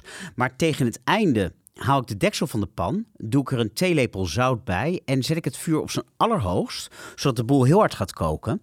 Dat zorgt ervoor dat het meeste vocht verdampt en de boel inkookt ja, tot een dikke kikkererwtenbrei. Die brei zet ik in de koelkast, laat ik afkoelen. En gaat in de keukenmachine met het citroensap en de tegina. En wat je dan krijgt is dat de groenmoes eigenlijk altijd te dik is. Maar dat is juist positief, want dan kan je het gewoon verdunnen met een beetje water. Waardoor alle smaken in de groenmoes blijven. En dat is eigenlijk ook heel erg makkelijk als je het eenmaal gewend bent. Want je hoeft niks af te gieten. Je hoeft eh, geen kookwater te bewaren. En hij wordt heel smaakvol en mild. Omdat Die eh, knoflook meegegaard is. ja. Ja, Dat ik vind jouw hummus ook echt altijd heel erg lekker. Maar ik moet eerlijk zeggen, net als mijn moeder maakt geen harira met kikkererwten met velletjes. Want zij vindt dan ook, die zit dan echt zo kikkererwtje voor kikkererwtje te ontvellen. Ik moet heel eerlijk zeggen, als ik gewoon voor mezelf maak of voor thuis, laat ik echt heel vaak de velletjes eraan zitten. En dan denk ik, ja, ach, ik weet wat ik eet. En eh, Ja, lekker wat extra met deze vezels. methode, het gaat Ja. zo snel, Nadia. En het is ook veel eerder gaar. Dus alle tijd die je erin stopt, die heb je er weer uit. Ik ben bijna overtuigd. Dus ga het binnenkort proberen. Gaan we door. 2. Gebod. Wees royaal met de allerbeste tegina. Wederom, amen to that. Maar dat is ook persoonsgebonden dan? Nou, het is persoonsgebonden, maar ook wel regiogebonden. Net als eh eh Libanezen gebruiken veel meer eh tahina dan eh, Palestijnen. Dus het is ook wel, volgens mij heeft Volgens mij ieder is het andersom. Of is het andersom? Ja, Ja, misschien is het wel andersom. Maar ik bedoel, er zijn regionale verschillen. Net zoals dat er familiaire verschillen zijn. Ik vind een tahin, een hele lekkere tahina. Die mag van, daar kun je bijna niet te veel van in doen in een hummus. Eh een vieze tahina liever heel weinig. Ja, Dus, uiteraard. eh, ja. En dat geldt natuurlijk voor alle gerechten, maar zeker voor gerechten met maar twee hoofdingrediënten Ja. en een paar smaakmakers. Want dat is hummus. We hebben helemaal niet uitgelegd wat het is, want we gaan ervan uit dat iedereen het weet. Maar we hebben kikkererwten en tahina, dat zijn de hoofdingrediënten. En als smaakmakers hebben we knoflook, Beetje zout knoflook. en zuur. Ja. Dat is het. En daarom is het Ja. ook zo waanzinnig lekker. Want het is, ja, je hebt die umami van de knoflook. Je hebt het zout, je hebt het zuur. Je hebt Je een beetje, smeuige, lekkere mondgevoel. ja, een beetje het zoete zit toch ook wel in de... Zoetig notig, absoluut. Het zit er allemaal in. Dus ja, eens. En gelukkig kan je tegenwoordig in de supermarkt Trina krijgen van Soek. Ja. Ik zelf gebruik die van Harbra. Ga. Dat is tegina die wordt gemaakt door Samaritanen. Een oud volk waar nog maar een paar honderd mensen van over zijn. Het grootste gedeelte woont op de westelijke Jordaanoever, niet zo ver van Nablus. En het bijzondere is dat deze Samaritanen zowel de Israëlische als de Palestijnse nationaliteit hebben. Heel vredelievend dus om deze tegina te gebruiken. En ook alle chefs in Tel Aviv gebruiken harbraga. En het mooie is, sinds enige tijd kan je ook op verschillende plekken in Amsterdam harbraga kopen. En eh, die is echt waanzinnig. Maar ik vind dat ook serieus over onze tahina. Die komt echt uit Palestina. Het is echt een verrukkelijke witte tahina. Je hebt bij de gemiddelde, zeg maar, Syrische, Libanese, eh, Midden-Oosten supermarkt... heb je van Stura en zo, die witte plastic met een blauwe. Nee, maar, het die kan komt uit Duitsland, alle- hè? Ja, maar alles beter dan Turkse geroosterde. Of alles beter dan biologisch dynamische geroosterde tahina. Dat vind ik echt, het moet echt witte tahina zijn voor in de hummus. Ik vind geroosterde bruine tahina echt, echt niet lekker in hummus. Nee, en kunnen we ook voor altijd, altijd een einde maken aan zwarte tegina? Ja, het is gewoon een andere smaak. Dan krijg je gewoon niet... Je mag van mij zwarte tahina gebruiken, maar niet in hummus. Of niet in een klassieke hummus, laten we het dan nog En niet in een doen. maaltijd waar ik aanschuif. Oké, Nee, dan weten we dat. nee, ik vind helemaal niks. Ehm, over tegina wil ik wel nog iets zeggen. Ja. Er is in Amsterdam een hele hype gaande rond Over mijn buurman. over jouw buurman. Want jouw couscousbar zit in de Javastraat. En daar zit ook een bekende Iraakse delicatessenwinkel, eh, Tigris en Eufraat. En daar hebben ze sinds kort een klein apparaatje, een klein machientje... waarmee je zelf tegina kan maken. En dus zie je de ene na de andere post van foodies die zeggen... hoe verse tegina, hij is nog warm. Het heeft ook iets heel romantisch en het hart gaat sneller kloppen. Maar nou ja, voordat ik zelf van leer trek, wat vind jij ervan, Nadia? Kijk, ik ga mijn buurman niet Het is niet afvallen. helemaal een waardevrije vraag, Ja. dit. Nee, ik ga mijn buurman niet afvallen. Dus lang leven zijn sesampasta. Alleen tahina in mijn beleving is van heel goed sesamzaad gemaakt. Maar echt in eh, Palestina, in Israël doen ze echt moeite om de allerbeste kwaliteit sesamzaadjes te krijgen. Die gaan in een zoutbad, waardoor ze ontvliest worden. En daarna heb je dus met een vrij moeilijk maalproces, zodat het niet te heet wordt, dat de witte tahina eruit komt. Eh, Het is gewoon een heel Nou, je, proces. slaat, je slaat een aantal stappen over. Daarna wordt het gedroogd, wordt Ja, het licht geroosterd. weer Dan gedroogd. gaat het tussen molenstenen en Ja. wordt het heel erg goed wordt het vermalen. Daar is een gigantische fabriek voor nodig. Die sesamzaadjes, dat is het allerbeste zaad, speciaal uit Ethiopië. En dan zou een sesampasta gemaakt van huistuin- en keukensesam, gewoon ingekocht. Ik heb op de zak gekeken, uit Turkije kwam het. In een Fisher-Price apparaatje dat eh, doet, zou geweldige trina opleveren. Nee, sterker nog, versheid is relevant bij een croissantje. En bij heel veel dingen, maar juist niet bij tegina. Als jij goede tegina koopt, staat er op de dop goed tot halverwege volgend jaar. net zoals bij olijfolie. Je hebt olijfolie, die, wordt na een paar maanden als je hem open hebt door de oxidatie wat minder. Maar het is niet dat hij die eerste minuten lekkerder smaakt dan, weet je, als hij nog warm is. Dus, lieve mensen, blijf vooral naar Tigris en Eufraat gaan. Maar koop gewoon. Of gewoon naar de Albert Heijn. En dan koop je gewoon lekkere... Die van Soek. van zoek. Ja, want die is gewoon echt heel goed. Een prachtige coöperatie. eh, waarmee je dus ook nog allemaal boeren in Palestina helpt. Om het hoofd boven water te houden. Nee, en dan koop je gewoon hele goede, lekkere tahina. Amen. Gaan we door naar ehm, regel 3. Verbod. Olijfolie door de goemoes. Ja. ja, dan wordt het mayonaise. Wordt gewoon te zwaar. Dat, dat doorswipe, het feit dat ik nu mijn bord bijna leeg heb. ehm, alleen ik probeer beleefd te zijn, niet het laatste stukje brood te eten. Dat is de enige reden waarom ik nog een beetje hummus op mijn bord heb. Dat dooreten, dat stopt bij mij direct als er, zwaar. ja, als er olie doorheen zit. Terwijl olie erop mag wel, maar dat is volgens mij. Heb je een eetlepel gedaan, max, over dit hele bord?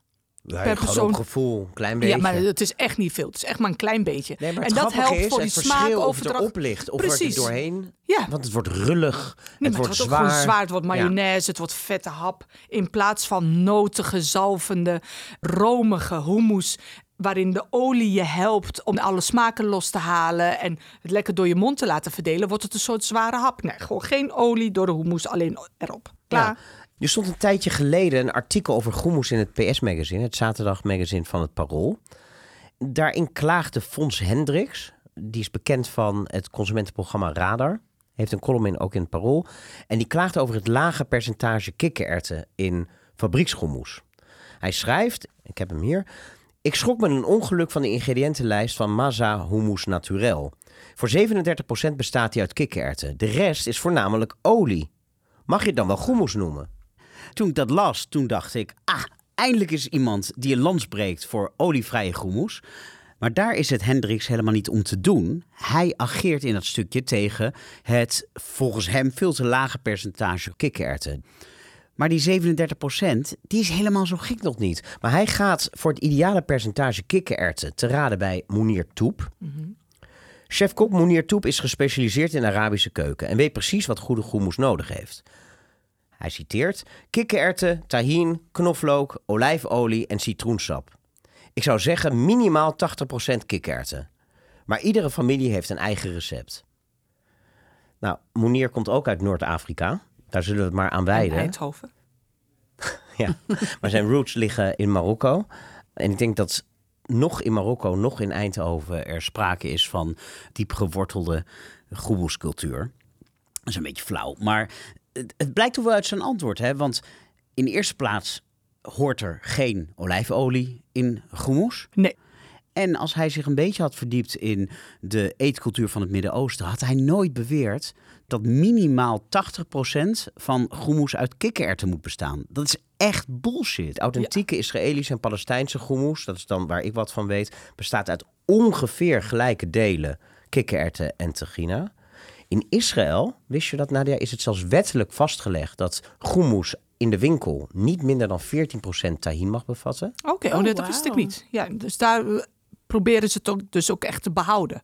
Maar de populairste fabrikant, Tsabar, vertelt trots op de verpakking van hun goedkoopste groenmoes dat er 24% Gina in zit. Op duurdere varianten zelfs 30% Gina. Maar als je achterop gaat kijken, dan is het kikkererwtengehalte van die trotse groenmoes rond de 45%. De rest is water, knoflook, specerijen. Dus die 80% van Moenier is echt uit de lucht gegrepen. En die 37% van Maza is zo gek nog niet. Zit best wel Nee, dicht in- bij die Israëlische In verhouding groenmoes. wel, met er moet gewoon geen olie door. Maar er moet geen olie door en meer trina. Ja, en tagina is natuurlijk olie. Ik bedoel, blijf, gemalen sesamzaad, er zit heel veel olie in. Kijk maar in het potje. En daarom gebruiken ze goedkope olie. Want kikkererwten zijn helemaal niet duur. Nee. Waarom zouden ze daarop besparen? Ja, nee, het is echt dus die, dat die oliegehaltes omhoog gaan. Ja, als je er veel tahina in doet, heb je ook helemaal die olie niet nodig voor romigheid of voor wat dan ook. De, de, de tahina doet dat al. Ja, Maar ja, zonnebloemolie is goedkoper dan tahina. ja, maar ik vind dat wel lastig hoor. Ik vind het ook lastig om het over een collega te hebben. Dus laten we het niet over deze collega specifiek hebben. Maar er zijn veel ehm, collega's waarvan het publiek denkt dat ze er vast verstand van hebben. Die echt onzin verkopen. Nou ja, eh, laat ik het zo zeggen. Als je niet in het Midden-Oosten bent geweest, dan weet je niet hoe echte hummus hoort te smaken. Want dat vind ik wel echt. Het feit daar de kikkerert, de tahina, de eetrituelen, de eetplekken, de eetmomenten, die zijn, dat maakt een gerecht authentiek. Een gerecht of een, een ingrediënt staat niet op zichzelf. Het is die combinatie van factoren die een hummus echte hummus maken. En die beleving krijg je niet op het moment dat je daar olie doorheen gaat roeren, rassel hanout doorheen roert. Nee, terwijl ja, je kunt ook zeggen, natuurlijk maken ze ook in Israël of ook in Palestina maken ze allemaal combinaties en variaties. Zeggen we, doen. Mag ook. Alleen dat maakt niet een traditionele couscous. En, of uh, traditionele hummus. Ik ga toch naar de couscous. Ja. Zijn we bij vier. Verbod. Specerijen door de hummus. Weer hetzelfde als de olijfolie. Ik eet weer even mijn mond leeg. Waarom zou je dat willen? Johannes van Dam zei eens... hoe onbekender een gerecht... hoe meer we het willen opleuken. Dus wij willen in Nederland brood met pitjes en met zaden en toeters en bellen. Want wij zijn van oudsher geen broodland, maar een aardappelland. Maar als je in de supermarkt gaat kijken, dan liggen daar, nou wat is het, uh, een paar soorten aardappelen, vastkokend, kruimig, een beetje kruimig, uh, nog wat krieltjes. En dat is het wel zo'n beetje. Ja. Als je naar Frankrijk gaat, dan is het precies andersom. Dat is een echt broodland. Op elke hoek van de straat zit een boulangerie. En wat kan je daar krijgen? Nou ja, een stokbrood, een pain, wat min of meer hetzelfde is. In de weekend een keer een croissantje. Ja. En daar doen ze het mee. Terwijl het is geen aardappelenland, maar ga in de supermarkt kijken. Daar liggen twintig verschillende soorten aardappelrassen. In Tel Aviv heb je buurten waar je op elke hoek van de straat hummus kan eten. Maar overal is de hummus min of meer hetzelfde. Nergens zal je hummus met curry tegenkomen of uh, zoengedroogde tomaten of bietengoemoes of wat je hier in Nederland ook allemaal tegenkomt in de supermarkt. De variatie daar zit hem in de toppings en niet in de hummus zelf. Want omdat hummus zo belangrijk is voor Israëli's, kloten ze er niet mee. Raken ze niet verveeld en houden ze het heel simpel. Die, die, het niet heel simpel, die hoeven het niet op te leuken met, nee. met curry. En ik vind, waarom zou je de curry doorheen doen? Wordt het er beter van? Nee. Nee, maar hummus moet je ook gewoon zo houden zoals het is. Ja, en tegelijkertijd ben ik ook iemand die, uh, als ik schalen uh, met hummus en lebanon en zo allemaal op mijn tafel zet, dan doe ik er ook uh, granaatappelpitjes over. Of doe ik ook een keertje een ander nootje. Maar de hummus, de basis, wordt er niet beter op. Nee, ook hier geldt, net zoals de olijfolie, er overheen, maar er niet erdoor. Ja. Vijf, gebod. Laat maar lekker draaien. Laat maar lekker draaien. Ja, totdat je apparaat rood en warm wordt en eigenlijk zijn werk wil weigeren. Dan laat je hem even afkoelen en dan ga je daarna weer door. Zes. Nou ja, dat is eigenlijk een beetje achterhaald, want daar is het gebod. Gebruik het kookvocht. Bewaar het kookvocht. Maar als je dus in laat koken, is dat niet nodig. Is het niet nodig, maar ook als je het met baksoda of bakpoeder hebt gekookt, ook niet gebruiken. Dan nog liever gewoon kraanwater. Ja, maar als je het doet op mijn manier, dan, dan heb je het niet heb nodig. Je het niet nodig. Zeven. Gebod. Proeven, proeven, proeven. Ja, daar ben ik het al sowieso altijd mee eens. Maar ik zag het jou net ook doen bij jouw cocktail. Ja, want anders kan je het niet serveren. Nee, en dat is met Want... kikkererwten, zeg maar met de hummus. Kikkererwten, tahina, beetje knoflook, beetje zout, misschien wat citroensap. Maar de ene keer, de ene citroen is de andere niet. De Nee. ene kikkererwt is de andere niet. Je tahina, of er nou heel veel olie in zit of de dikkere pasta uit het potje, het is een verschil. Dus proeven, proeven, proeven. En het is De zo leuk, want je zijn. proeft het en Ja. zegt, "Mm, lekker. Nou, klein beetje ehm, zout nog, klein beetje zuur. En Ja. opeens, bam, Ja, is hij er. hij er. Is hij er? Maar ook soms is het er na twee uur dat je denkt van, oh, het heeft even gestaan. Is hij ingezakt. Is hij ingezakt? Ja. Heeft hij even weer wat nodig? Dat is toch zonde voor je eigen smaakbeleving, voor de mensen aan wie je het serveert, dat het dan niet de ultieme, meest lekkere hummus is die je ze kan geven. Acht. Verbod. Hummus met een smaakje. Ja, kijk. Hier ben Ik je vind- het niet helemaal eens. Ik ben het Zie niet helemaal in. gezicht. Ja, maar dat komt omdat ik eigenlijk ben ik een puritein in hart en nieren. Dus eigenlijk wil ik alleen maar zeggen, mensen, jullie mogen niks anders doen dan klassieke hummus maken met Palestijnse tahina erin en klaar, basta. En dan lekkers en strooiseltjes en smaakmakers erover. Maar ik heb dus echt letterlijk in Palestina en in Israël bietenhummus gegeten. En popoenhummus. Dus ik vind dat heel lastig, want het kan eigenlijk niet hummus betekent kikkerert. Ja, maar lieverd, Dus- ik kom ook wel eens in Tel Aviv. Ik ben het in een hummusia nog nooit tegengekomen. Dus ik weet niet met wie jij omgaat daar. Het, Mensen het van de bestaat gewoon niet. In een, in een normale hummus bestaat het niet. Bij de Arabieren bestaat het ook echt niet. Als je daar gewoon bij de Palestijnse hummus, eh, hummusplekjes komt, hebben ze het niet. Hebben ze gewoon de klassieke. Maar in de nieuwe varianten. En dan ben ik iemand die kookboeken schrijft, recepturen bedenkt. Dus ik doe zelf ook wel eens wat geks. Maar eigenlijk is een hummus is met kikkererwten. Een hummus zonder kikkererwten is geen hummus. 9. Gebod. Hummus is een maaltijd. Dus niet een dip voor een wortel of een bleekselderijstengel. Ja, voor mij is hummus mijn ontbijt. Ik vind hummus als ontbijt echt verrukkelijk. Gewoon kikkererwten om je dag mee te beginnen, pulvruchten. Ik vind het echt, echt serieus Maar heel dat erg is, lekker. het, dat is het ook. Het had ook een Ja. gebod kunnen zijn. Eet het 's ochtends Ja. en niet 's avonds. Ja, In Nederland, in al die Israëlische zaakjes wordt het opgediend als je daar s'avonds gaat eten. Maar, dat dat krijg is- je nergens in Tel Aviv. Maar in Libanon en eh, Jordanië, Turkije krijg je het wel echt als onderdeel, van de metsen. metsentafel. Ja. Ja, Dus dan is het een snack en dan is het een soort van dip waar je je lekkere brood in dipt. Dus ik vind hem, hij mag echt bij de metzes, hij mag echt als avondding. Maar al die broodjes, hummus met gegrilde groenten, daar ben ik zo klaar mee. Ik wil gewoon lekker een bord hummus met brood en misschien wat eh, gefermenteerde groentjes ernaast die dan lekker voor de frisheid als tegenhangen. Graag. Maar eh, en dan wil ik het ook bij de lunch. Maar het feit dat ik in Nederland nergens gewoon hummus voor mijn ontbijt of een bord hummus voor mijn lunch kan krijgen, maar overal alleen maar broodjes hummus en dan ook nog niet lekkere met gegrilde groenten, ja, daar word ik niet blij van. Zijn we aangekomen bij de laatste. 10. Verbod. Bestek. Nee, lekker met de handen, jongen. Ja, waarom zou je iets met bestek eten als je je handen hebt? Ja, want Met je kan hand is veel zo lekker lekkerder. swipen. Ja, maar ook gewoon. Ik ben daarmee opgegroeid. Je was je handen voordat je gaat Ja. eten. Heb ik net niet gedaan. Ik wil net maar- zeggen, jij Ik heb het net niet gedaan. Maar eh, ik was wel naar het toilet geweest, handen gewas. Maar dit zijn toch wel de twee beste attributen die we hebben om te eten. En, en het schijnt ook nog wetenschappelijk bewezen te zijn dat als je met je handen eet, je veel eerder het gevoel hebt van ik zit vol zit. Ja. Zeker. Ja, Dus het heeft gewoon nut om met je handen In te het algemeen eten. ben ik het sowieso met je eens. Ooit eh, voor een magazine eh, kreeg ik allemaal vragen. Je favoriete dit en je dat. En er stond je favoriete keukentools.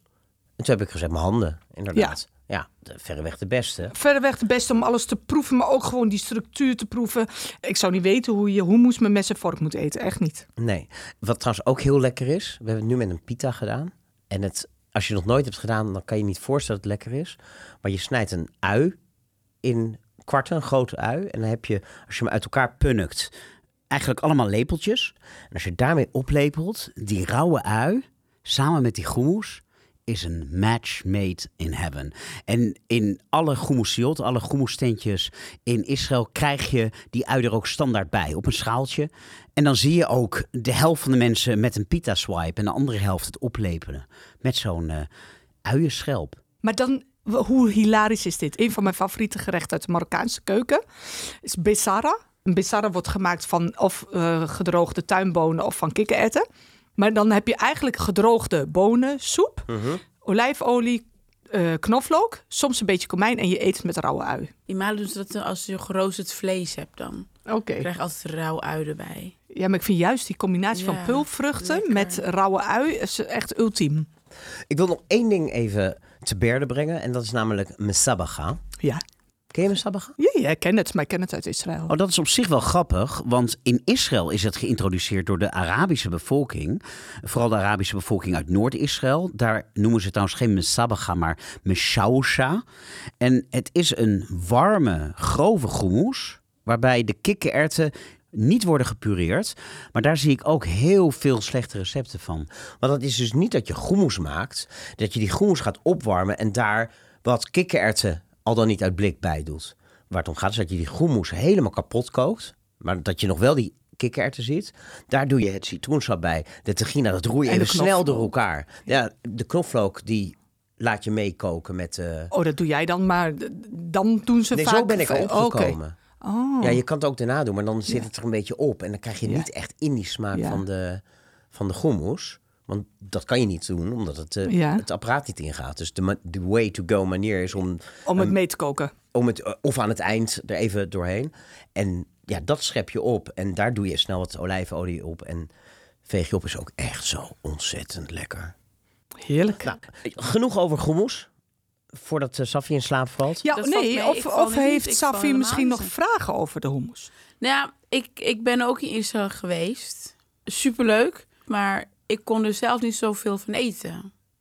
Omdat ik niet... Ik ben de deeg niet zo gewend. Maar het brood of brood, de kikkererwten? brood. Oh, brood. Voor Ja, jou dan is neem je lekker een uitje. Ja, maar dat is dus echt een hele goede tip. Want ik, ik vind het echt heel lekker. Maar alleen overal, zeg maar, die pita broodjes erbij. Ja. Dat, Hmm. dat, is, dat is voor mij een beetje too much. Ja, maar het is sowieso. Hè, de, heel veel peulvruchten. Als je eh, gevoelige darmen hebt en zo, dan is peulvruchten wel wat een aanval. Ja, maar, ja, je leert maar voor Safi was juist niet het Nee. probleem, maar Nee, het dat was De gluten. De gluten Ja, uit het brood. of je bestelt wat falafelballetjes. Daar kan je ook heel lekker mee swipen. Ja. Ja, ik heb echt Ja. allerlei heerlijke hummus gegeten in Israël. Maar waren er nog vragen? Eh, nou, nee. Dan gaan wij door met het volgende deel, namelijk de restaurantrecensie. Nu was ik al heel lang van plan om jou Nadia uit te nodigen als gast, maar ik hikte een beetje aan tegen de verplichting om dan uit eten te gaan in jouw woonplaats Almere. Wie wil er uit eten in Almere? Het schijnt Maar- steeds beter te worden. Ja, dat zeggen ze. Maar dat probleem heeft zich vanzelf opgelost, want jij bent deze maand verhuisd naar je geboortegrond, naar Winterswijk. Ja, ik ben iets eerder terug verhuisd, want iets met eh, nieuwe schoenen en oude schoenen en zo. Maar ik ben Wat zijn tijd. nieuwe schoenen, oude schoenen? Nee, ik heb mijn oude schoenen weggedaan voordat ik nieuwe had. Oh, zo. Dus ik woon al een paar maanden in Winterswijk. Maar je ik moest heb kamperen bij familie. logeren bij een zusje. Maar sinds eh, twee weken nu heb ik een eigen huis. En wat voor een? Ja, jij bent geweest Ik als mocht een van de gisteren eerste. even langskomen voordat we naar het Keunenhuis gingen. Want daar zijn we uit eten geweest in Winterswijk. Maar wat woon je mooi. Afgelegen boerderij. Een beetje tussen Winterswijk en de Duitse grens. Klopt. Buitengebied van Winterswijk. En samen met familie, hè? Ja, mijn zusje, haar man en hun vier kleine kinderen. Oh, Ja, echt van die, thuisgevoel. ja, van die schatjes tussen de 9 en de 1, zeg maar. En mijn zoon van 18. Een soort commune wordt het. Ja, ja echt heel leuk. En de, de, het kippenhok is er al. Verder moeten er nog wat boerderijdieren bij en nog wat, eh, nog wat getuineerd worden. dit. Nee, maar de boerderijdieren mogen er zijn. Oh, ze Voor mogen ons- blijven. Ja, ze mogen scharrelen. We willen echt kippetjes en we willen... eh, Maar ze eindigen gewoon in een graf met een steentje? nee. Dat ook weer niet. Nee, ja, misschien is het dan toch niet vegan. Nee. Nou, eh, we waren dus uit eten in Winterswijk. En je zou denken dat Winterswijk ook geen culinaire hotspot is. Maar naast Nadia Zerouali mag het plaatsje in de Achterhoek bogen op Nog een culinaire grootheid, namelijk Nel Schellekens. Een fenomeen, toch? Ja, met dat vooral recht. bekend is Ja. geworden door haar kop-tot-kont filosofie.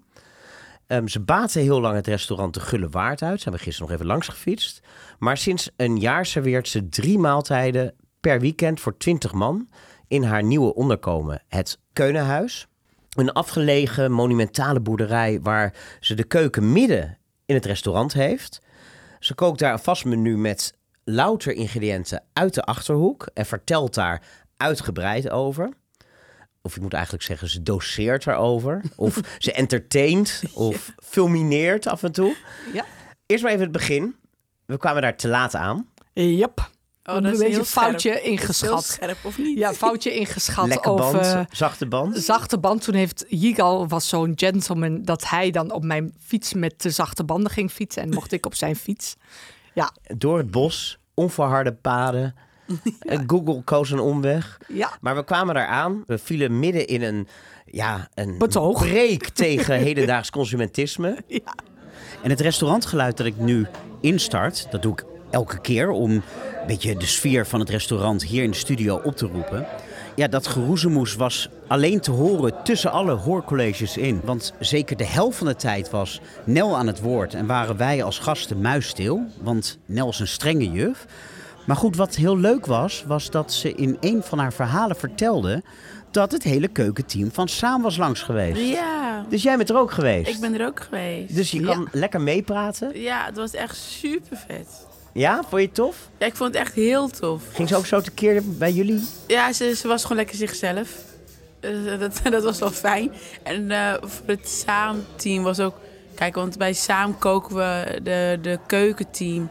Zij weten echt precies wat je aan het begin zei over het product, waar het vandaan komt. Dat is bij ons heel belangrijk in de keuken. En we gebruiken ook alle onderdelen van een dier als we het gebruiken. En was bij haar dus ook zo. En eh, nou, voor mij is dat eh, sommige onderdelen die we aten. Oh, dat is wel weer eh, childhood memory, zeg maar, vanuit Afrika. Ja. Ja. Ze kookt daar een vast menu voor iedereen. Ehm, Afhankelijk van het seizoen verschillende gerechten. Ja. Maar iedereen krijgt hetzelfde. Ja. En wat ik wel heel tof vind, is dat ze kookt daar met liefde voor vegetariërs. Maar dan eten ze veganistisch. Ja. En ik vind dat sowieso sympathiek, omdat de zuivelindustrie nog dieronvriendelijker en milieubelastender is dan de vleesindustrie. Een broodje oude kaas is gewoon slechter dan een broodje pastrami. Maar Nel heeft een andere motivatie, waar geen spel tussen te krijgen is. Volgens haar van kop tot staart filosofie klopt het vegetarische dieet simpelweg niet. Zelf gaf ze het voorbeeld van geitenkaas. En wat ze vertelde wie geitenkaas eet, is medeplichtig aan al het vlees dat daardoor op de markt komt. En alle bokjes die vermoord moeten worden omdat wij ze niet goed genoeg vinden om te eten. Ja, je hebt de geitjes die geslacht worden als ze geen melk meer geven. Je hebt de bokjes die geboren worden en afval zijn voor de industrie. Dus je kan niet wel geitenkaas eten, zoals vegetariërs doen, en geen geitenvlees. Nel vertelde dat ze had uitgerekend dat als je geitenkaas eet, dat je dan negen keer, of bijna negen keer zoveel vlees moet eten om die cirkel kloppend te maken. Ja.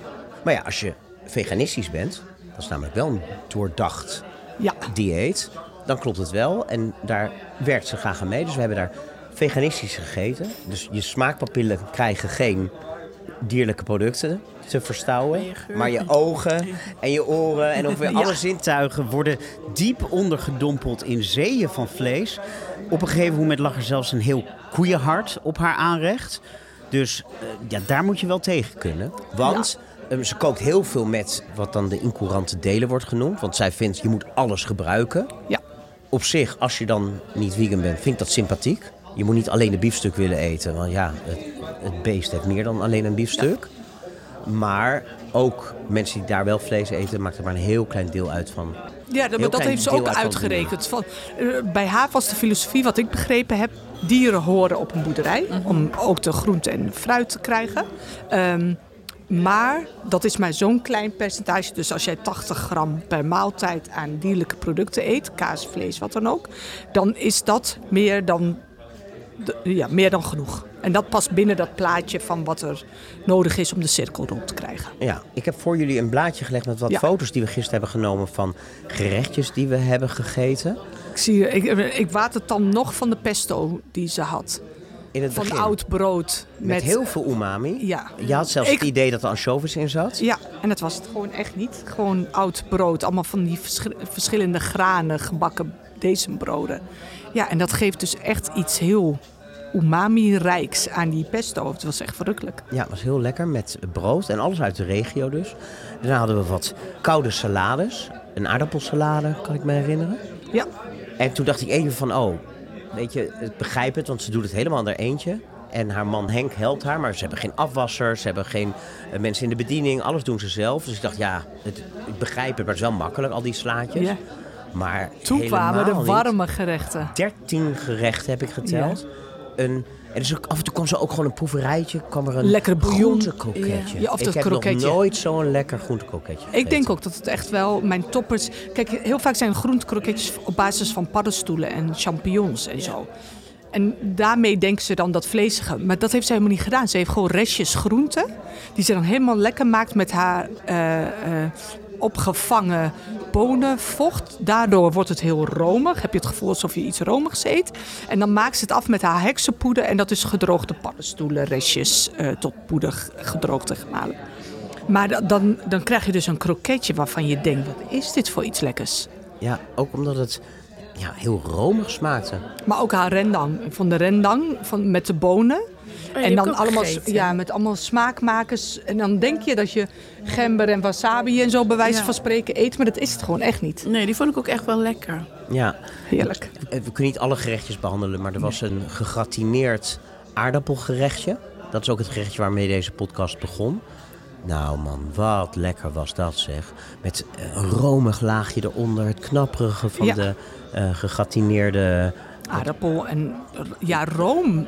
Het, het is zeg maar het feit dat we in zoveel keukens gegratineerde aardappelgerechten kennen. Weet Ja. je, wel, iedereen is gek op witlof gegratineerd met kaas of aardappelen eh gratiné van de Franse keuken, Nederlands maakt niet uit. Dat heeft, die essentie daarvan die heeft zij helemaal.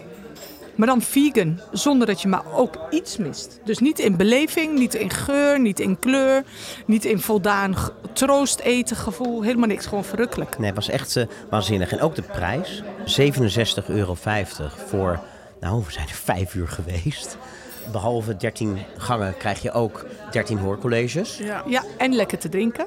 Ja, maar dat vond ik wel, ik bedoel, je moet wel zin hebben in Nel die tegen Pizza Hawaii tekeer gaat.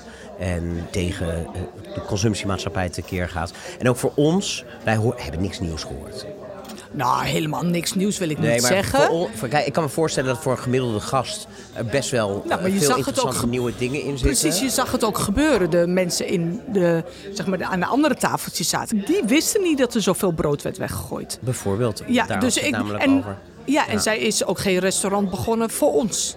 Bedoel, zij zit en zij geeft vooral heel veel les aan jongeren, aan zakenmensen Ja, of aan, aan collega's, scholieren. scholieren. Ja. En ik denk echt dat de gemiddelde gast zo weinig weet over ons eten. Want als de gemiddelde consument zoveel zou weten over ons eten, zouden we niet met dit corrupte voedselsysteem in onze maag zitten. Nee, waar. Ik vond wel dat het heel lang duurde, want wij kwamen dus al later binnen. Dus de anderen hadden er al een half uur op zitten. Ehm, Maar je krijgt wel voordat- waar voor je geld. Ja, maar ik vond dat het wel heel lang duurde voor dan, dan- ik denk pas na een uur, echt na een uur, zeker voor de rest, kwam dan het eerste hapje. Je moet er wel echt wel... eh, je gaat er ook echt in, ook voor de show. Nou, je gaat niet vond eten om maar even lekker bij te kletsen. Nee. Maar ja, aangezien wij dat al ruimschoots de tijd hadden op de fiets Ja. om bij te Was kletsen, het was het helemaal goed. Ja, eh, ook ehm, als ik dan toch een paar kritiekpuntjes, alles kwam uit de Achterhoek. En dus ook de wijn kwam uit de Achterhoek. Die heb jij niet gedronken, maar ik wel. Maar dat was echt niks bijzonders. Biertjes waren wel Ja, erg lekker. had ook bier. eh. Ja, en een port, die best Ja. aardig was. Die natuurlijk geen port mocht heten. Ehm, maar ja, dus wel een, een, een tip wat mij betreft. Als je Dikke een keer daar vette in de buurt bent. Ja, zeker. Ja, maar niet iedereen bij mij langs. Ik Mijn zal, bij Nadia slapen. Ja, mijn gastvrijheid die is, eh, die, die is beperkt. is beperkt. Gaan we door met het laatste deel van de Vegan Lekkerbek, namelijk het rare vegan ding. Waarin we een nieuw product uit de supermarkt testen. En vandaag is dat de plantaardige versie van de beroemdste roomkaas in de wereld, namelijk Philadelphia roomkaas. Philadelphia. Heeft een plantaardig kuipje op de markt gebracht. Oké. Te koop bij Coop, Plus, Dekamarkt en sommige Jumbo's en Albert Heijn. Dat is een beetje onduidelijk. Hij kostte vanochtend bij de Coop, waar ik hem heb gekocht, 3,14 euro. Pi. Per kilo 20,62 euro tegen 11,25 euro voor de normale. Er zit namelijk wat minder in. Dus als je gewoon per kuipje de prijs vergelijkt, dan lijkt het wel mee te vallen. Maar hij is wel twee keer zo duur. Op het oog is het ook hetzelfde kuipje. Het staat alleen nieuw, plantaardig, eh, vegetal. En hij is op basis van amandelen en haver. Althans, dat staat trots op de voorkant. Maar als je dan achterop gaat kijken, is het eerste ingrediënt na water toch gewoon Soja. kokos. Kokos. Oh. Kokosolie. En Philadelphia komt natuurlijk uit Amerika. En daar is het zowat synoniem met de bagel. Nu is het in Nederland ontzettend lastig om goede bagels te vinden. Maar vanochtend kwam ik In het vriesvak van een koosere afdeling van een Jumbo-supermarkt in Amsterdam Buitenveldert. bagels tegen uit New York. Made in the Bronx staat erop. Ook weer ingevroren. Ja. Dus ik heb geen idee. Ze zitten nu in de rooster, maar ze zien er ontzettend Benieuwd. goed uit. Ik heb in New York gewoond en dit is hoe bagels eruit horen te zien. We hebben wel gecompenseerd voor al het lokale wat we gisteren gegeten hebben. Ja, dit is, het is eh, qua CO2-afdruk, maar ik eet geen dieren, dus dan mag ik af en toe een geïmporteerd beestje, een geïmporteerd bageltje eten. Dan heb ik hier allemaal toppings, jongens. Mogen Ja. jullie kiezen? Ik heb rode ui, ik heb kappertjes, ik heb pijnboompitjes en ik heb tuinkers. En een Eh. peper. Ik denk dan toch de roomkaas met de ui en de tuinkers. Hier is de En misschien een beetje peper. Oh jongens, kijk nou wat er gebeurt. Hij smelt Het helemaal smelt weg. helemaal. Gebeurt dat niet met eh, eh, gewone Nee. roomkaas? Ah. Oh, dat is natuurlijk de kokos.